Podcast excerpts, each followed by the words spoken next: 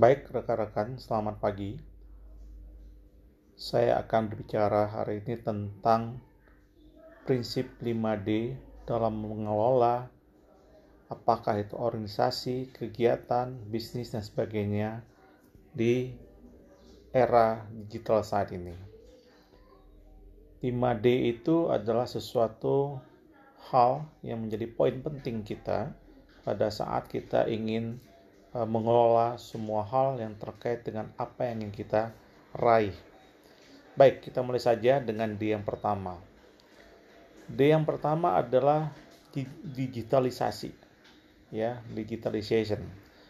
Ini adalah satu era di mana kita masuk di dalam dunia digital, segala sesuatu harus dideliver secara digital kita tidak akan bisa bertahan, survive, hidup dan berkembang di era sekarang apabila kita tidak bisa menyesuaikan diri, memanfaatkan, menggunakan uh, segala tool yang berkait dengan digitalisasi. Itu hal penting yang pertama. Ibaratnya apabila kita tidak bisa uh, menyesuaikan diri dengan digitalisasi, kita bisa katakan sebagai seorang yang buta huruf, ya di dalam suatu era yang sangat maju saat sekarang ini. Itu yang pertama dulu. Jadi tool, mindset, ya, behavior harus betul-betul menyesuaikan diri dengan era digitalisasi sekarang. Yang kedua, data analitik. Apabila kita mengelola organisasi, perusahaan, terlebih-lebih lagi bisnis, itu data analitik tidak bisa diabaikan bagaimana kita bisa mengintegrasikan seluruh data yang ada, dianalisis, diambil konklusinya, kemudian bisa dimanfaatkan, ya. Dan ini terus bisa diimprove, diperkaya, dan kemudian digunakan sesuai dengan kebutuhan yang uh, kita inginkan. Yang ketiga adalah development. Ini adalah era segala sesuatu harus kita terus berkembang tidak akan bisa hidup seseorang apabila tidak akan berkembang, akan mati. Ya. Nah, perkembangan ini setidaknya dalam organisasi itu ada tiga. Pertama, perkembangan di dalam konteks uh, bagaimana kita menyesuaikan diri. Jadi, development adaptation, jadi beradaptasi dengan segala sesuatu kita harus mengembangkan diri. Kedua adalah development dalam berkaitan inovasi. Ya, tidak akan bisa kita bisa berkembang kalau tidak ada inovasi yang terus-menerus. Yang ketiga adalah kompetensi development. Tidak mungkin kita akan terus bisa maju berkembang tanpa ada pengembangan di aspek-aspek skill, knowledge, dan personal attribute kita. Di dalam sebuah komunitas, organisasi, bisnis, perusahaan apa pun, sumber daya manusia itu penting sekali. Nah, kunci sumber daya manusia ini terus bisa digunakan dengan berbagai perkembangan yang ada harus dikembangkan kompetensinya. Itulah kompetensi development.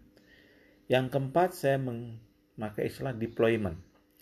Jadi segala sesuatu yang ada di visi, misi, strategi, kalau tidak bisa dideploy, ya, tidak bisa diimplementasikan, tidak bisa disebarkan, itu tidak akan ada artinya. Nah, deployment ini penting sekali.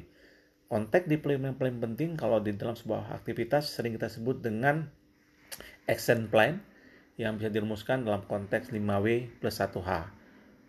What, who, when, ya, why, where, dan how. Nah, itulah deployment. Berikutnya differentiation. Sekarang era kalau kita ingin melakukan sesuatu itu dua hal. Pertama, harus fokus, ya. Kedua, harus juga memiliki keragaman sesuai dengan kebutuhan dari segmen yang kita tuju. Nah, kata kunci fokus dan keragaman ini bisa disimpulkan eh, oleh satu kata yang sebut, kita sebut dengan differentiation atau diferensiasi. Dalam diferensiasi pasti harus fokus karena target yang kita capai apa. Tetapi dalam diferensiasi juga ada mengandung makna customize sesuai dengan apa yang dibutuhkan, baik itu pelanggan, market, mitra kita dan sebagainya. Jadi kita tidak akan bisa sukses mengolah sesuatu apakah kegiatan, program, apalagi sebuah bisnis tanpa menggunakan pendekatan diferensiasi ini. Nah, kelima hal tadi, eh, rekan-rekan sekalian, yang saya sebut dengan 5D, uh, mulai dari digitalization, uh, kemudian data analytic, uh, development, deployment dan differentiation itu tidak akan menjadi sesuatu yang apa namanya atau menjadi sesuatu yang sangat penting ya saat kita ingin sukses mencapai apa yang kita inginkan baik secara pribadi individu uh, secara komunitas organisasi maupun secara bisnis. Demikian teman-teman. Semoga bermanfaat. Terima kasih